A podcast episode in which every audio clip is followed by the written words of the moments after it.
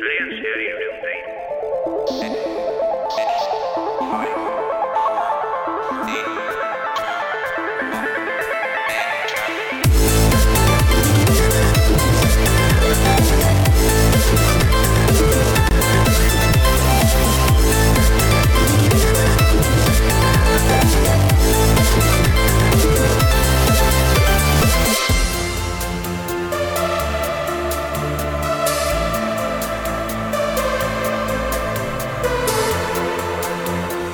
Eta berriz teknologiari buruzko berriak e, be, beste eremu batean, beste leku batean geratu dira e, ba aurten berritan, bueno, hiru aldiz egia esan da gertatu denaren e, ondorioz, kasu honetan izan dela alarma egoera hau, e, estrenatu dugula duela egun gutxi.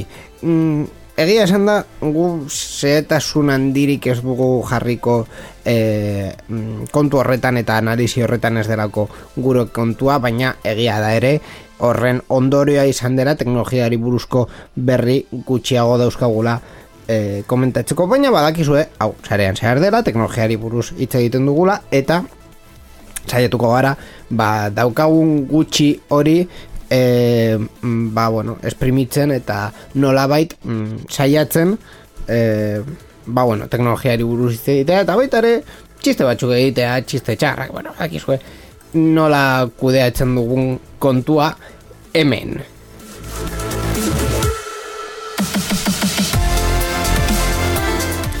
Nahiko arraro hasi dut programa hau ia ustekabean e, guztioi hartu digulako baita egoera hau ia ustekabean batez ere e, egiten ari den e, bueno, limitazio mo, mobilitate limitazio hori, baina bueno, horrelakoa da bizitza eta horrelakoa da sarean zehar teknologia eta bizitza bat egiten dute gure saioan. Az gaitezen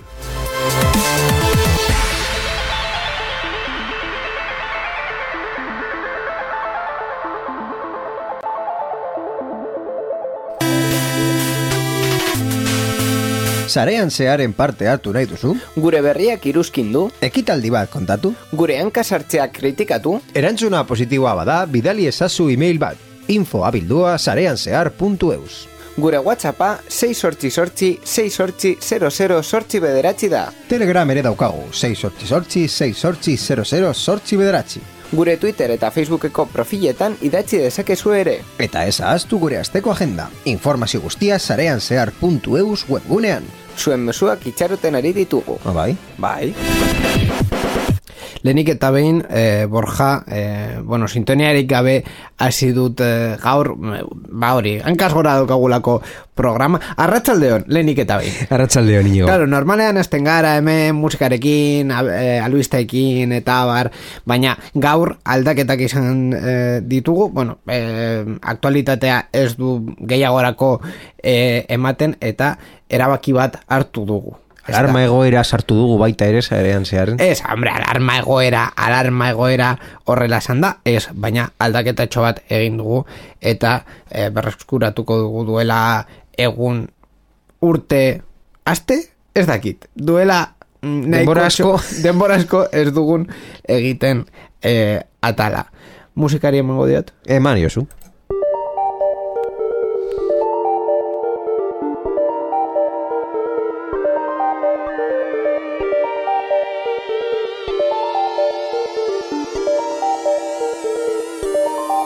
Review.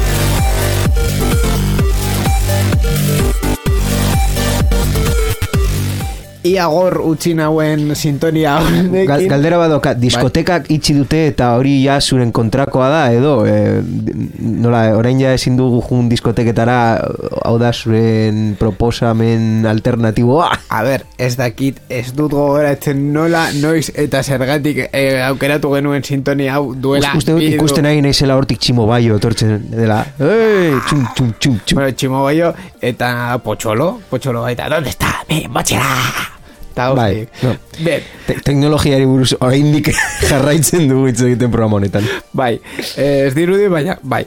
Em, dena den, e, duela hiru lau urte aukeratu nuen zitoria hau, eta benetan ez dakit, ez du gogoratzen zergatik egin genuen hau. Baina bueno, e, gure sintonia dekin jarraituko dugu horrelakoa delako. Em, egunerokotasunari buruz hitz egin baino lehen, e, gure katxarroei buruz hitz egingo dugu. Ez e, pertsonei buruz, baizik eta gure tramankulu eta e, gailu teknologikoei buruz azken asteetan edo e, ur, edo egunetan e, erosita. Zure kasuan egunetan, gainera, Bai, ba, bueno, oso duela- oso gertu, nahiko gertu. duela gutxi heldu zaizulako e, bosgora berri bat? Bai, bosgora berri bat, Xiaomi egindakoa, Xiaomi Mi Home Speaker deitzen dena, eta, e, bueno, presio nahiko interesgarri batean saltzen ari dena, ointxe bertan, e, beren, e, ez, ez bakarrik presioa, presioa nahiko interesantea esan, interesgarria dela berrogeita euroren truke saltzen dena, baizik eta oferta eskaintza berri berezi bat egin zuten e, bosgora gaioa erosterakoan baita ere bombilla bat, bombilla inteligente bat oparitzen zuten. Orduan nik mm, ja e, neukan e, interesa e, bosgora hau frogatzeko eta e, horretarako ba, bueno, ikusterakoan ja eskaintza ba, piztinara bota nintzen pentsatu, pentsatu gabe. Ze presioan? E, berrogeita ma, Uh, berrogeita mar euro. Uh, Hau da, zuen, zuen asmoa e, bosgora gaiu inteligentea bat Googleekoek e, Google Home edo Nest ja deitzen diote mini horren prezioa ba, gutxi gora bera hildo horretan mugitzen da. Ez de, em, prezio mm, nahi, erosi nahi baduzue Googleeko bosgora gaioa ni bezala ja, jadanik bi erosi ditudanak esan behar dut nire etxean txikiak ez da. et- eta gero niri esaten didate que si Amazon eta bueno, zu, Alejandra zenbat, eta- zenbat Alejandras daukazu ja? eh, etxean uste dut iru dire Mm. iru direla Vale. kotxean beste bat eta beste bat bidean dau Bueno, baina, be, be- baso Alejandra egin eta gu, ni Googleekin. da, baina datu bat emango dizut eta gainera egiazko datua dela e, nire azken Alejandra izan zela Eko Dot eh, normala, bigarren belaunaldikoa Mhm. em, izan ziren amar euro eta hurrengoa bi jadanik erosi ditu darako hogei euro izan ziren ez, ez ziren izan berrogeita amar Bueno, berrauta mar bombilla batekin. Ja, Bai. bombilla amar euro betidanik- truke erosi dezakezuna, orden ja, berrogei eurotan utzi gutxi gora bera horren presioa. Borja, zuta biok badakigu bombilla inteligente bat izatea kriston txorrado bat dela. Hau da, interruptoreari ematen diozu, bombilla pikutara doa eta ezin duzu aplikaziotik piztu. Bai ala bai. Depende, non jartzen duzun bomboia. Hombre, claro, eh, Interruptoreari gabe jarri alduzu baiet, baita ere? Bai, alboko lanparatxo batean Bai, jartzen baduzu, bai. hori iskina batean inork erabiltzen ez duen, eta egiten baduzu, eh, Edo begira, begira.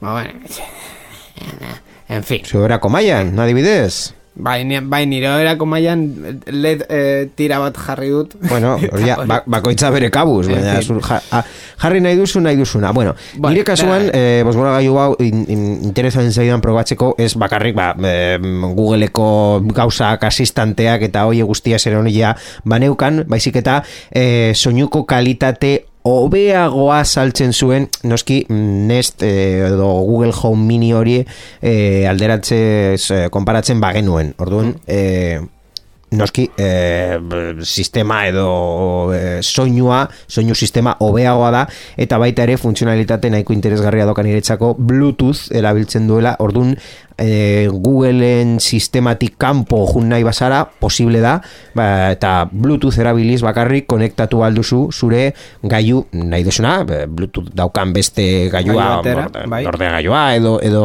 zure telefonoa konektatu alduzu edo zure telebista, telebista baita baita ere aukera hori alba dauka, ez, ba, zure soinu sistema etxean hobetzeko.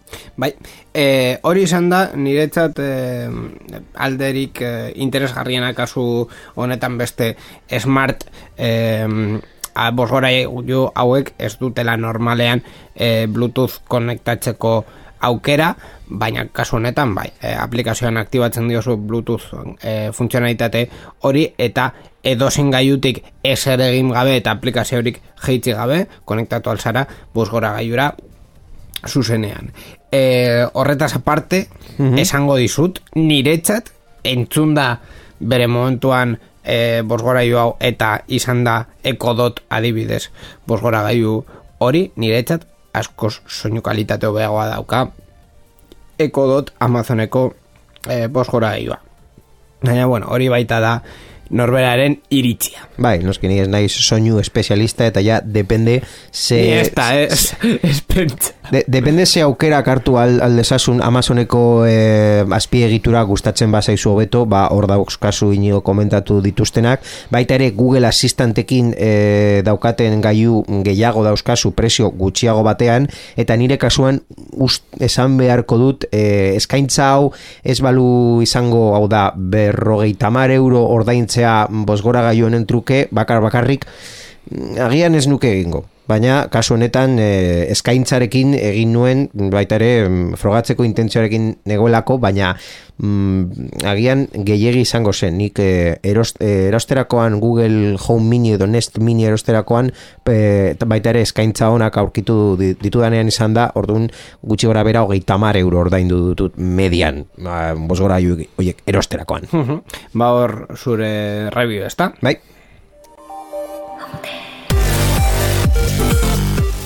Nire partitik ere review bat e, ekarri dizut eta gainera e, e, anekdota txikitxo batekin e, aste honetan gauza oso kurioso bat gertatu zaidarako. E, kontua da, mm, azken boladan gauza asko erosten ari ditu dela, nire etxean estudio txiki bat e, muntatzeko eta e, hortik lan egiteko Telelana heldu da zure etxera? Bueno, erdizka. Erdizka esango dugu. Orduan, e, kontua izan da, interneta horra eramateko ez nuen e, wifia bakarrik erabili nahi eta pentsatu nuen, bueno, nire kasuan alokatuta nago, orduan ezin dut hortik kableak eta e, zuloak egin eta bar, orduan frogatuko dut PLC sistema. E, PLC sistema hau altzen du interneta eramatea e, elektrizitateko kableen bitartez, e, etxeko puntu batetik bestera e, ez nengoen ondo, oso konbentzituta eta erabilerarekin ez nago oso konbentzituta. Baina bueno, e, kontua izan da azkenean alde batean jarri dut dara e, gailu bat, normalean binaka e, erosten, er, erosten dira, edo printzipioz azteko puntutik puntura e, jarri nahi duzun zarea. E, Oda, oinetakoak bezala? Bai, bai, e, printzipioz binaka, gero ja, beste bat edo beste hainbat erosi nahi badituzu, hori ja e, zure kabuz, baina printzipioz e, binak orduan e, biak e, konektatu nituen, ikusi nuen sinkronizatzen zuela, eta ez nuen e, gehiago arduratu horretaz, momentu horretan ez neukalako e, ordenagaiurik etxean. Eta kontua izan da, aste honetan eramandu dara ordenagailua etxera. Eta konektatu dut, eta e, abiadura froga egin dut abiadura froga eginda, ikusi dut amar mega edo ematen zuela jeitziera, eta egoeran bost, lau, ez dakit ez dugu goratzen. Eta zen nuen, bueno, frogatuko dut. Ea nola doan eta bar. E, kontua da nire sarean, ordenagailu eta router konkretu batxutan, e, sistema bat daukat e jarrita, publizitatea ez ikusteko e, uste duzu ere e, lekuren batean daukazula bai. e, bueno, gobuneak kargatzen dituzula eta ez dela publizitatea ikusten ezin dituzu domeinu konkretu batzuetara sartu, ordu, mhm. ez da ikusten e, publizitatea eta frogatu nuen nabigatzen eta bar eta zen nuen kontxo, hemen ni publizitatea ikusten ari naiz e, bueno, nire, nire routerra berrikusiko dut, haber se gertatzen ari den. E, routerra sartu, e, router guztiak, hau da, operagailuek ematen dituzten gaiu hoiek, normalean izaten dute webbune bat, non ikusi dezakezu, e, ze gertatzen ari den gaiu horrekin. Orduan, e, gaiu horretara sartu eta ikusi, bueno, badirudi nire routerra, baina ez da guztiz ni pentsatzen nuen, edo ni gogoratzen nuen um, itxura, uh -huh. sartu, eta esan, kontxo, uste dut, hau ez dela, nirea. E, bilatu ruter horren ezaugarriak, kontxo, hau ez da nire ruterra, ze gertatzen ari da. E, ze gertatzen ari da, hori izan zen galdera interesgarria. Gero, Gobernuaren seinalea eh, apurtu zenun. Ez, printzipioz ez, eta kontatuko dizut. Gero, egin nuen, bueno, ba, ikusiko dut hemen ez dakit non nagoen, baina ikusiko dut ze, ze, ze ezaugarri daukan em, router hau. Eta wifiaren gakoa ikusi, eta kasualitatez, guztiz kasualitatez, em, banekien e, pasaitzen zegoen hitz bat zela pertsona baten ni duela urte asko e, entzunda neukan pertsona baten e, pseudonimioa, nik, Mhm. hori. Eta zen hori, bueno, ba, ikusiko dugu e, ea pertsona honen sistema dela. Zer gertatu zen momentu horretan, pertsona horrek justu nire e, blokean, nire etxean, e, nire edifizioan bizi den pertsona horrek baita PLC sistema bat daukala jarrita bere etxean. Ui. Eta gainera ez eh, dago oso gertu. Hau da, eh, wifiaren ezaugarriak begiratuta, wifi horren izena, eh, ni eh, routerran ikusi nuen wif- wifi horren izena, nire mugikorren, mugikorrean esen agertzen. Ez zegoen behan edo goian. Ez irulau solairu, ere. ez irulau solairu behera dagoen eh, pertsona bat da, eta o, bera jarri zuen bere PLC hoiek, ikusi zuen funtzionatzen zuela, eta eta listo. Claro, ni eh, horra konektatzerakoan, eh, nire PLC hoiek ez zuten bere sarea eh, eh, Alde batera aldera, uzten. bat- alde Bai. batera usten, baizik eta bere sarera zuten. bere sarera konektatu ziren eta lau gailu hoiek sare bat egiten ari zuten e, Uh. elektrizitateko kableak erabilita. Oho. Nire etxekoak eta e, bu- edifizio guztiko kableak eta bere etxekoa baita. Orduan, mm, kontu horrekin azkenean jakin nuen ba, ba hori bere sarean nengoela. Hacker bat bihurtu zara. Ez, egia esan, egia esan da ez. Kontua edo trukoa da e, PLC sistema hauek normalean botoitxo bat eramaten dutela gaiuetan jartzen duela per. Hau da, par, e, parekatu, Bai. vale? Orduan, e, bi gaiu edo bi gaiu baino gehiago parekatzekoan mm, haien artean e, komunikazio enkriptatu bat egiten dute eta Mhm. ez dute e, sarea partekatzen beste gailu batzukin. Hor, hor, sare horretan edo e, edifizio horretan egon aldiren beste gailu batzukin. Orduan, claro, zu pen, pentsatu zenuke, ba honekin ja zure konfidentzia sistema honetan pikutara. Ba bai, Na- egia esan da. Na, nahiko, nahiko irismen aldia, handia daukate PLC horiek zen, eta zure wifiarekin ez baduzu en, hor dau- daukan wifi hartzen, baina PLC horiek ahalmen oso handia daukate parekatzeko bata bestearekin, naiz eta hiru edo lau planta desberdin egon eh, bata bestearen eh, distantziarekin, Nahi- nahiko geldo, eh? Hau da, zu adibidez... baina eh, egiten zuen. Bai, bai, bai. em, etxe, mm, e, familia bateko etxe batean, e, txale batean, adibidez jarri dezakezu, be, e, bat bean eta bestea goian, eta goiko horretan baita wifi puntu bat jarri, e, goiko solairuan wifi oso ona izateko, egia da, eta kasu horretan ez dizu arazorik emango e, zure hausokideen e, kablea nahiko urrun dagoelako, baina e, beste kasu hauetan, solairu e, moduko etxeetan bizi bazara, ba, baliteke kasu batzutan e, PLC-ko seinale hori partekatzea beste beste pertsona batzukin. Azkenean, zein izan da kontua? E, pertsona hori esan dizu bere pseudonimo agertzen zela bere pasaitzan eta bar, Twitter bitartez e, kontaktatu diot eta esan diot, bueno, zu hemen bizi zara eta PLC bat martxan daukazu. Bai, ze ba, ba, kontxo, hau gertatu zaidala, mm, jarri mesedez, e, parekatzeko e, ezaugarri hori martxan zure PLC-tan ere, e, ba, mm, etorkizunean hau ez gertatzeko.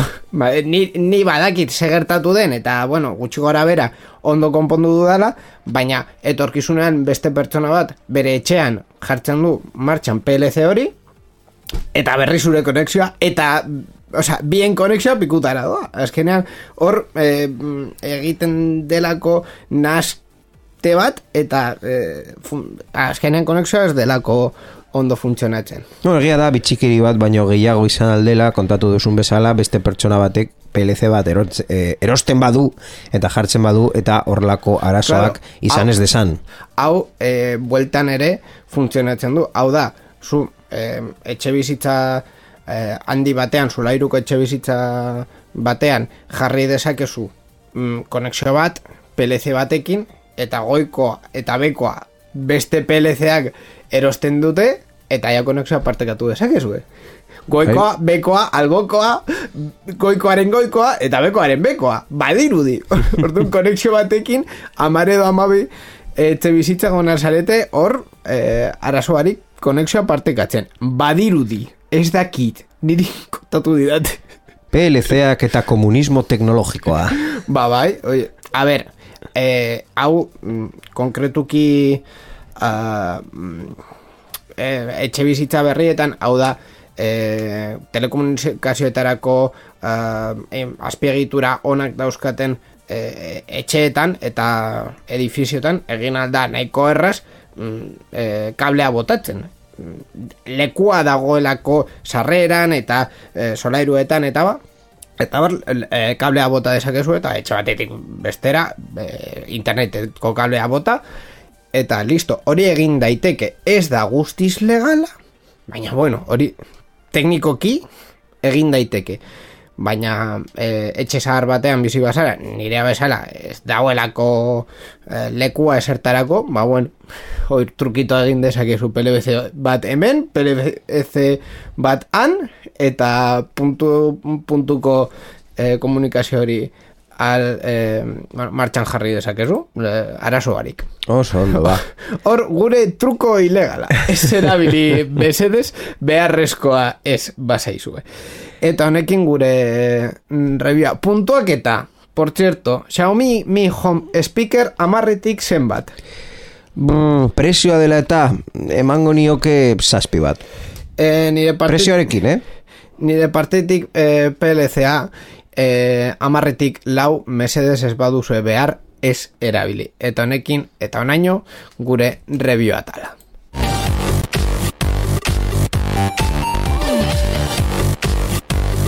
Sarean zehar.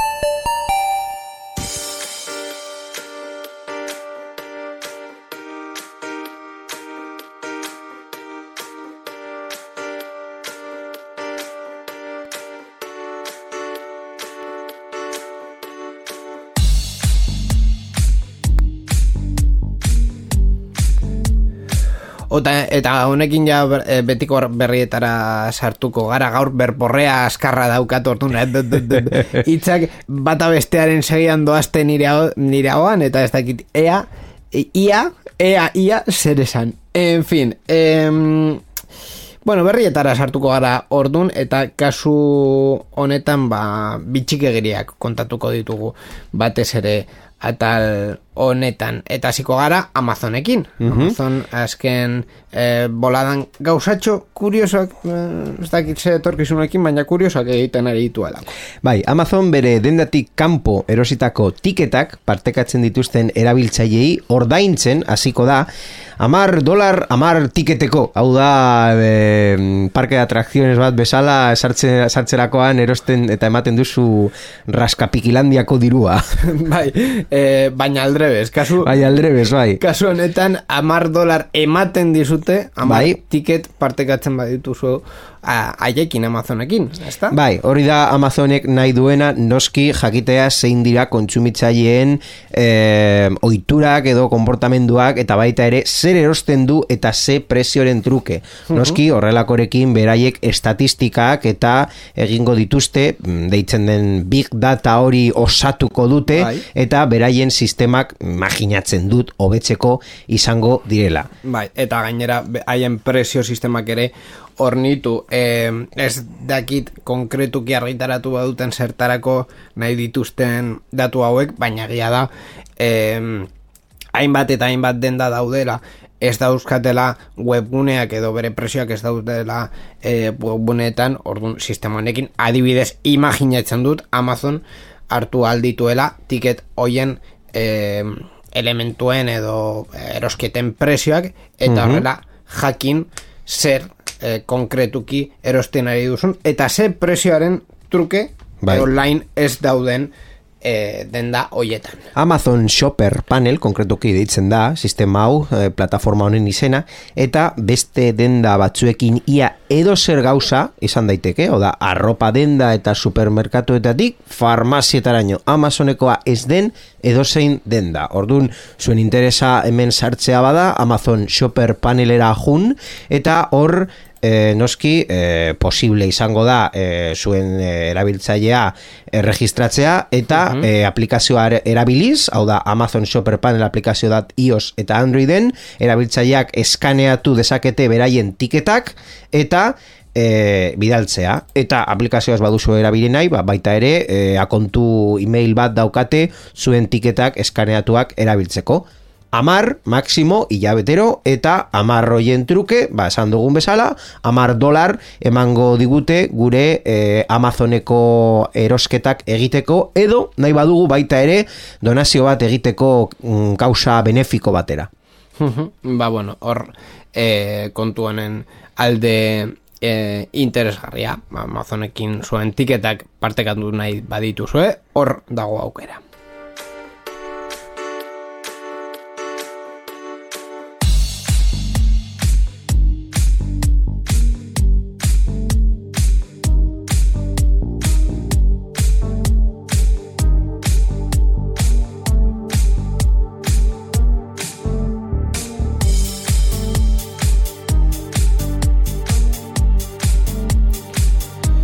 Ba, bueno, beste berri batzuetara pasatuko gara orain. Errealitate virtualkoa?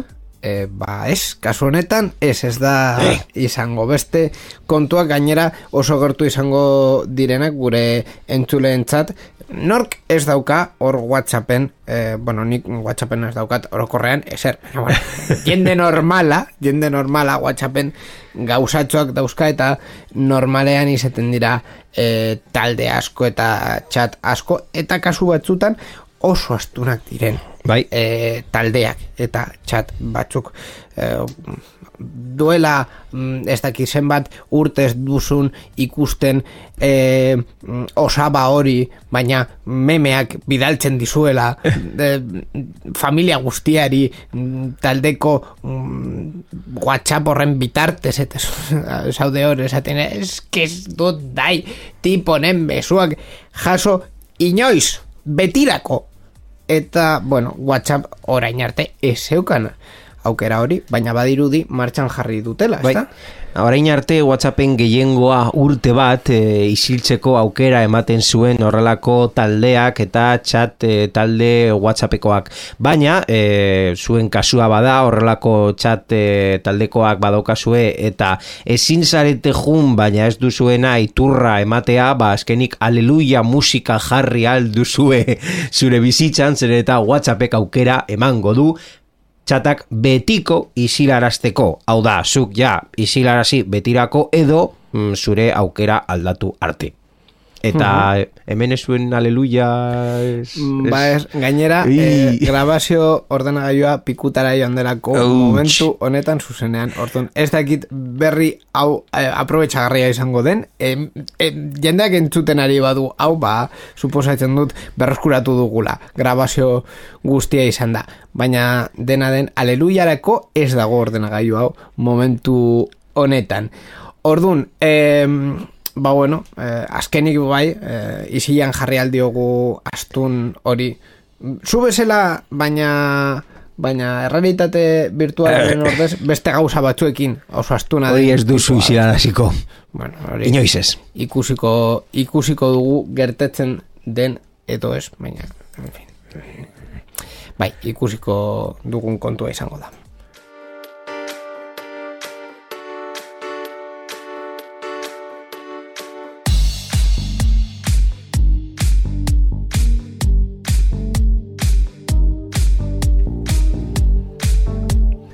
Ba, bueno, beste barri, berri batzuei buruz eh, orduan itxengo dugu ja WhatsAppena alde batera utzita. Errealitate virtuala? Ez, kasu honetan bideojokoi buruz, baina ez nago oso ziur eh, jarraipena den edo ez. Bere momentuan hitz egin genuen Facebook eta Oculusen mogudei buruz? Uste dut pizka bat kontatu genuela, baina azkenien e, bideojokuen gaia ez da nirea gutxien ez esan beharko dut. Bai, horretara, horretarako gaizka daukagu noiz binka hemendik datorrena eta bere eh, kontua kontatzen eh, dizkiguna. e, nik gutxien ez gogoratzen dut, ja ez dakiz ze programatan eta ze atalean, baina zerbait komentatu genuela.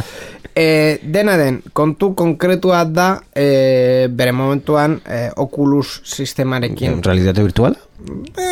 Aha! A ber, gakoa ez da errealitate Azkenean virtuala. erortzen zara. Ez, gakoa da e, Facebook Oculus hartu duenetik, ba, e, egin dutela horrelako estrategia non Facebooken gauzak. Oculus bat erabiltzeko Facebooken e, sartu behar zarela bai edo bai eta horrekin ere arazoak sortu dira eta bueno e, horre, ba beste Bitxikeriak kontatu dezaket? bai E, badakizun orden Palmer Luckey e, ba, Palmer Luckey dela Oculusen fundadorea gero ja saldu zuen e, txiringitoa Facebookera.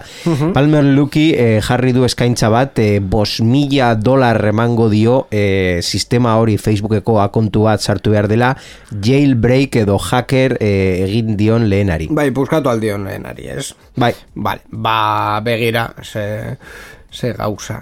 Azkenean zure enpresa saltzen baduzu ba normala da kontrola galtzea dena den e, Microsoft ere hildo honetatik doa, ezta? Bai, Microsoft jarraituko dio urratsa hauek eta ez du Minecraft eh, erabiltzen utziko, ez bada Microsoft akontu batetik. Hau da, orain arte gauza berdina. bai, orain arte behar zenuena kontua SM Microsoftekoa baizik eta Mojang eh, izan zela bere momentuan Minecraft sortu zuen eh, konpainia eh, ba, konpainia horren akontu behar, behar eh, zenuen eta jokua eh, ordainduta eh, izan beste metodo bat basegoen ere, baina esen oso legala orduan hor utziko eh, dugun metodo hori. Orduan, ba bueno, e, mendik aurrera beharrezkoa Minecraft erabiltzeko eta jokatzeko Microsofteko Bueno, kontu bat. ni ez dut. Minecraft inoiz eh, jokatu, baina eh, gutxienez berria kontatzen duen arabera orain arte jokoak bi bertzio ezberdin zituen, bai deitzen zela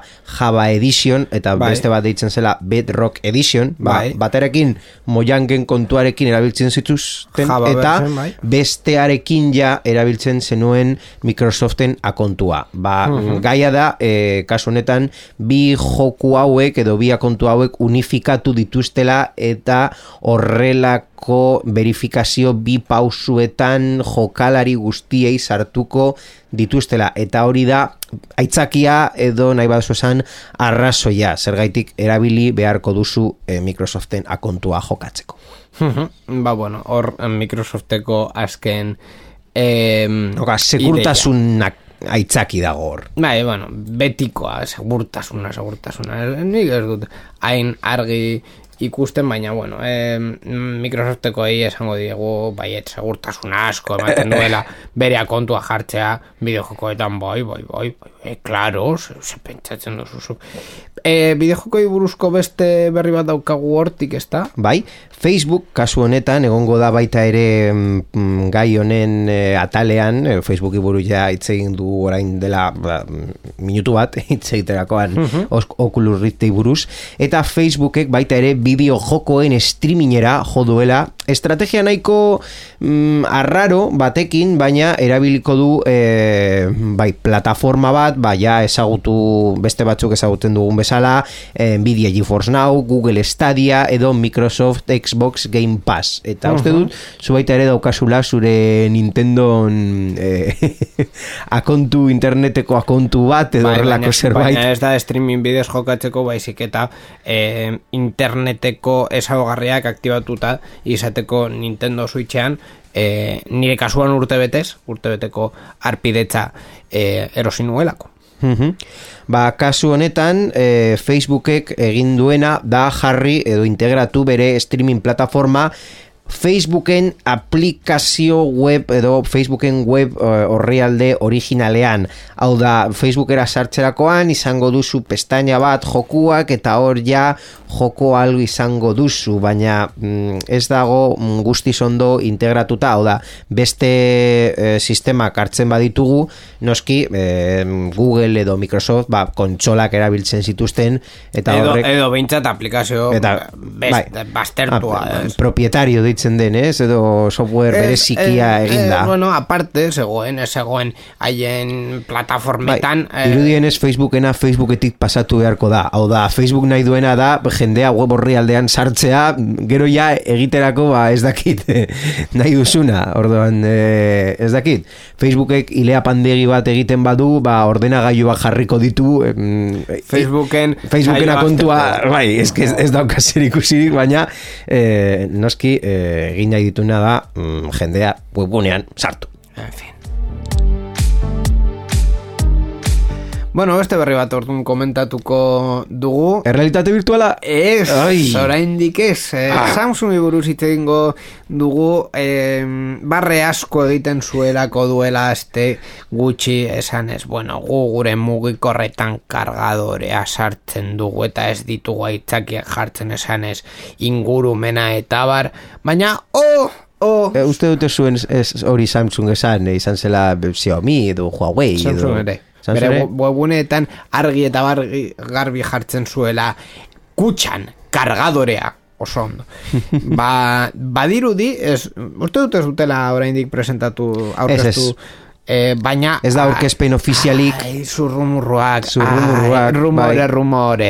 Bai, Eh, rumore, rumore. Rumore, rumore. Hola, buona tarda, io sono Raffaella Carra e le rumore della Samsung sono aquí oso ondo. a aquest programa. Ba, Samsung bele Galaxy S hogeita bat e, a, ateratzeko prest egongo da e, jabaz, gurrengo kanpaina, gamonetakoa eta hori guztia eta hor daude ba, zurrumurruak esateko bere kutsatxoan ez daudela ez da ere e, Appleko senda jarraituz kargadorearik Oh, ma perché? Ma perché Samsung? Ma perché piccolo? Ma perché faccio? Mm, Io non c'è, non, non tengo palabra. I, i, Italiako jendea mm, zapatilla bat botako zaitu Bueno, ez badiote Amerikarrei hori egin, eh, niri ez nahi senyor. Io, io, io sono ninguno. Ma perché? Na, nahi duzunan bukatu dezakezu, eh? ja, berriarekin eta italiarekin eta bitzitzarekin. Hombre, a ver, bizitzarekin momentuz ez. Ez, ez momentuz ez. Bai, ez daukalako gehiagorako eta gainera hemen programa honetan esan dugu, ez dugula zurrumurri buruz ezer esango. Ordun, musika gora, berri hau ez duela existitzen. Baina bai beste berri batzuk existitzen dira, badik, Errealitate virtualekoak? Bai, kasu honetan bai. Ah, azkenean! Eldu gara errealitate virtuala. Ze kontxo da kaso errealitate virtuala buruz, a ver, esaidazu. Ba, aste honetan gidoian jarri dute realitate virtualeko berri bat, zeren eta pasaden programan zu egin zenuen berbera. Eh? Itxiera bat ez dena? Ez da itxiera bat, Irekiera. irekiera. Bai, Irekiera. bat da, bai, sí, Bai, zeri bai. buruzko.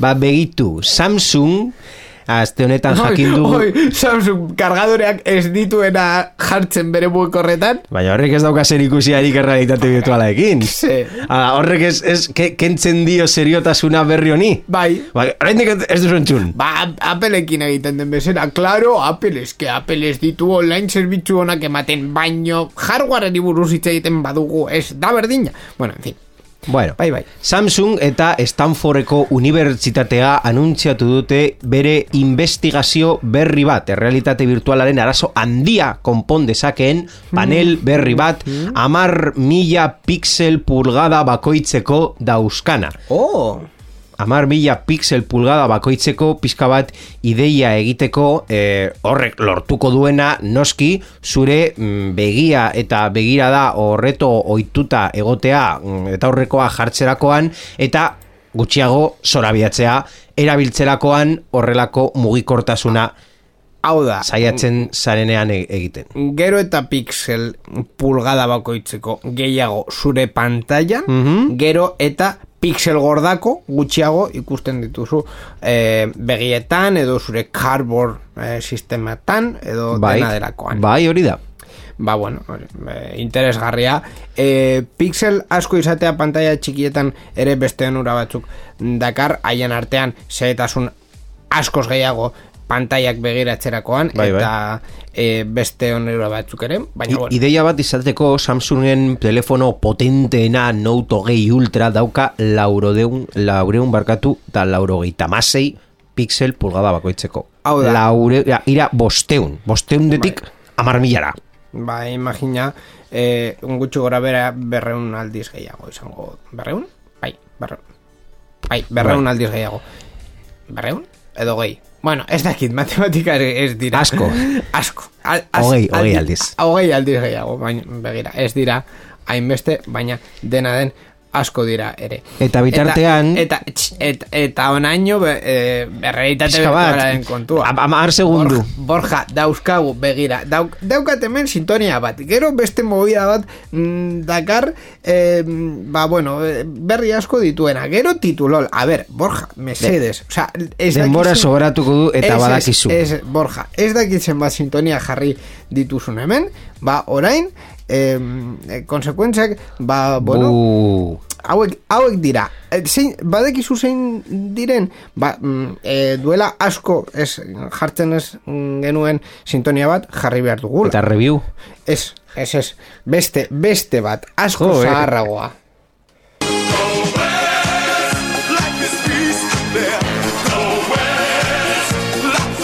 Bideo hau ikusi behar duzu, eh? Gu biok hasi garela komugitzen horrela. Ei, ei! Bueno, eh, GoWex eh, da gaia kasu honetan, edo, bai, GoWex konkretuki, eta askoz konkretuki, GoWexeko sortzailea, gure Genaro baitia, Genaro, ze moduz, nola da zoaz? Nola Bai. zoaz? Uste dut eh, iraganera bueltatzeko asmoa daukagula programa honetan, zeren hasi ginen reviewerarekin. Ba bai, Genaro maitia gowexen sortzailea kartzelara joateko eskatu dio epaileari zazpi urtez epaiketaren zain egon ostean. Ah, vale. O sea, bera esan du, ja, begira, a ber, ez dut, ez Ba, dut jasaten. badakit kondena bat jasango dudala. Mesedes hasi nirekin... Bai. Gero, gero eta lehen eh, Gero eta lehen hasi, gero eta lehen atera. Sartzen naizen kartzelan, ja gero, kondena eta guzti eta epaiketa botatzen duzuenean, ja, eh, kondenaren erdia bete dut eta ja kartzelatik kanpo janan naiz. Esan behar dugu, berarentzako dagoela, mm, oraindik epaitegia, epaia barkatu, ez da bukatu, baina eskatzen duela fiskalia ama koma bost urte gartzelara eta amar koma bi milioi euro ordaintzea. Hau da, em, bueno, eh, ez da mm, gehiengok daukagun denbora ez da dirua, ere. Ordun mm, berak esaten duena batez ere, ba, mm, voluntarioki sartu nahi duela ja bere, bere kartzelan eta horrela bere kondena ordaintzen hasi. Claro, gainera bere abokatuak esaten duen arabera, e, tiponek ez dago egoera honean, osea ez da festa egiteko egoera berea, e, umeak dauzka bere kargu ezin duela e, bere bere pentsioa e, ordaindu e, di- deudak dauzka hortik Eta beste gauza bat esan behar da. arazoak dauzka baita ere lana izateko azkenean bera delako Genaro García Bai, ez. Orduan, arazo hoiek guztiak e, bildu dira bere, bere pertsonan eta e, nahiko kaskar izaten duela azken urtetan e, aurrera emateko bere bizitzarokorrean. Eta ez bakarrik hori, 2000 eta garren urtean, hau da, gatazka hau hasi zen urte horretan, zeireun mila euroko fiantza bat jarri behar izan zuen, precisamente, gartzelara ez sartzeko. Or- Orduan, orain esaten du, gartzelara Bueltatu, zeireun mila berreun mila euro berreskuratu dezake, eta diru horrekin ba bere zorrak noski mm, ordaindu. Ordaindu, gutxika, gutxika. Gutxika, gutxika. bai. Ba, bueno, hori generoen berriak ez direla oso posgarriak, baina horretan, horretan dago. Berri askarrak, sarean zehar. Berri askarren momentua, titularren eh, momentua eta berriak oso oso askar kontatzeko momentua borja. Pong joko klasikoa retro kontsola moduan itzuliko da. Atari bideojoko konpainiak retro arcade kontsola berri bat iragarri du Atari Mini Pong Pong bideojoko klasiko tamaina txikiko talde batekin jolasteko aukera emango duena eta gabonetan merkaturako merkaturatuko dena. Kontsola berriak tamaina txikiko diseinu berri bat ematen du, hogeita mar sentimetroko luzearekin eta zazpi koma bederatzi azbeteko LCD pantalla batekin. Orain arte ping egiten bazenuen zuen ordenagailuan, orain ere pong egin dezakezu. Hacker talde batek enpresa handiak erasotzen ditu lapurtutako dirua oingitzako erakundei emateko. Pirata informatikoen talde batek ongintzako erakundei eman die ransomware motako erasoen bidez enpresei lapurtutako dirua. Hain zuzen ere, Afrikako, Asiako eta Amerikako aur familia eta komunitatei laguntzen dien Children International eta Saharaz egoaldeko Afrikan edateko ura hobeto eskuratzeko lan egiten duten The Water Project konpainiari zuzendu zaizkio doaintzak. Children Internationalek esan du ez duela dirua eskuratuko baldin eta doaintza pirata informatiko bati lotuta badago. Ba, kasu honetan, em, hogeita, hogeita maika, hogeita, hogeita maika ez, hogeita bat garren mendeko eh, Peter, Peter Pan, Robin Hood, Robin Hood izan dena. Irlandak Instagram ikertzen du adingabeen datuak gaizki erabiltzeagatik. Kon konkretuki Irlandako datuen babeserako batzordeak Instagram sare sozial aurren datuak maneiatzeri buruzko bi ikerketa abiatu ditu. Erakunde horrek ikerketak abiatu zituen joan den Facebookeko Instagramen amazortzi urtetik beherako erabiltzaileen elbide elektronikoak eta telefono zenbakiak argitaratu zituela esan ostean. Ikerketako bat Instagrameko kontuaren konfigurazioaren diseinuan oinarrituko da, sare sozialak erabiltzaileen pribautasuna sustatzen duen ikusteko. A ber, orain, orain serioki, mm, Facebook, mesedes, adingabeen datuak gaizki tratatzea oso oso larria da. Orain ez txiste ez ezer. Sei kontxo egiten ari duzuen zuen erabiltzaileen datuekin argitu mesedes. Mesedes.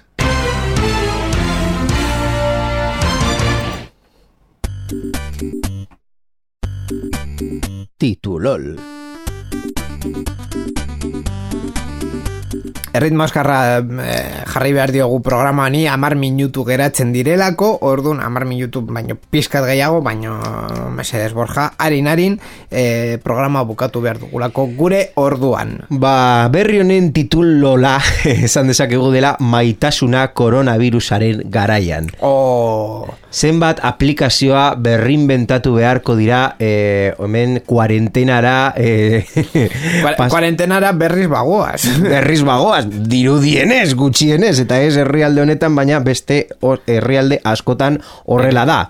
Orduan, Tinder izan da hor berrinbentatu den aplikazio bat. Tinder bideo deiak jai, ja, jarriko Jarri ditu bai, bere plataforman, ba, jendea, noski, pertsonas ja ezin denez ezagutu, ba, gutxienez, bideo bezala eh, ikusteko zein den zure eh, kidea. A ber, beste, beste ni, alboan. ni hemen ez dut nire bizitzari buruz hitz egingo, baina bai hitz egingo dut.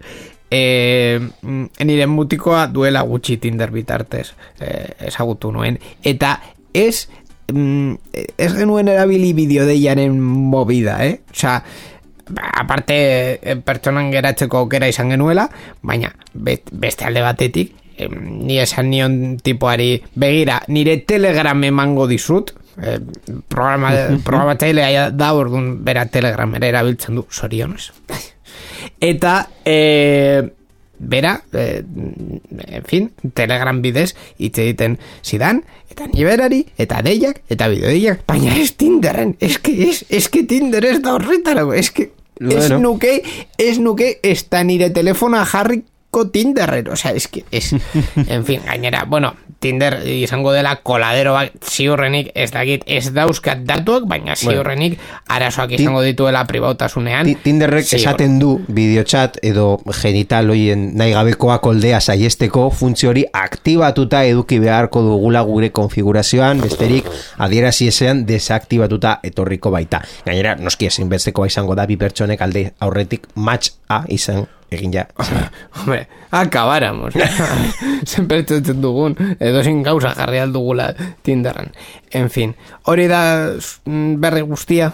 Ba, imaginetuen baiet, realitate virtualari egin... Ez, jo, ni pentsatzen nuen eh, McDonaldseko webgune berriari buruz itzen gozun. Zenula? Ba, i, mm, Ez duzu erabakiak hartu behar ditu inigo. Hau da, titulola bat bakarra da. Orduan, bai, que ikusi ni- dut, baina niretzat- eske Tinder eta McDonald's jartzen badu... Ah, baina mm, niretzat askoz interesgarria da eh, tipo bat eh, ikusi duela hor McDonaldseko webgune batean nola eh, eh, estatu batuetako eh, Izozki makinak. izozki makinak bidaltzen dituztela datuak esateko ez daudela zerbitzuan eta webgune bat egin duela MacBroken deitzen dena osea, a ber, maravilloso da berri hori kontatzekoa da Baina, ze, ze kontxo dira izoski makinak, hau da, esaten dizu McFlurry bat badagoen edo ez? Claro, hori da Bueno. bizitzaren importanteena Ba, bueno, esan behar da, McFlurryak nahiko importanteak direla bizitzan. ziurrenik, bai, azukara Baina hemen oraindik gutxienez eh, nik edukiaren zuze, edukien zuzendaria naiz, edo gutxienez titulolaren zuzendaria, oie, Bai, ez dira zukenduko. Eta zu pentsatzen duzu hemen ez dagoela zentzura, ezta? Errealitate virtuala? Irratsaio hau Creative Commons aitortu ez komertziala partekatu berdin lau puntu zero nazioarteko lizentziarekin banatzen da. Horrek esan nahi du gure edukiak nahi beste partekatu ditzazkezula. Informazio gehiago nahi baduzu josareanzehar.eus webgunera.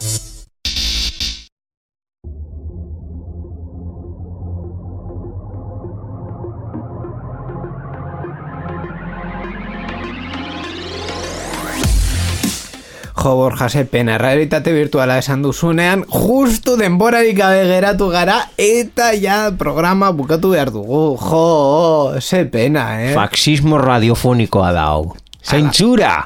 Ala, Borja, bi aste barru, venga, agur. Eskerrik asko guztioi eta bi aste barru entzungo gara berriro.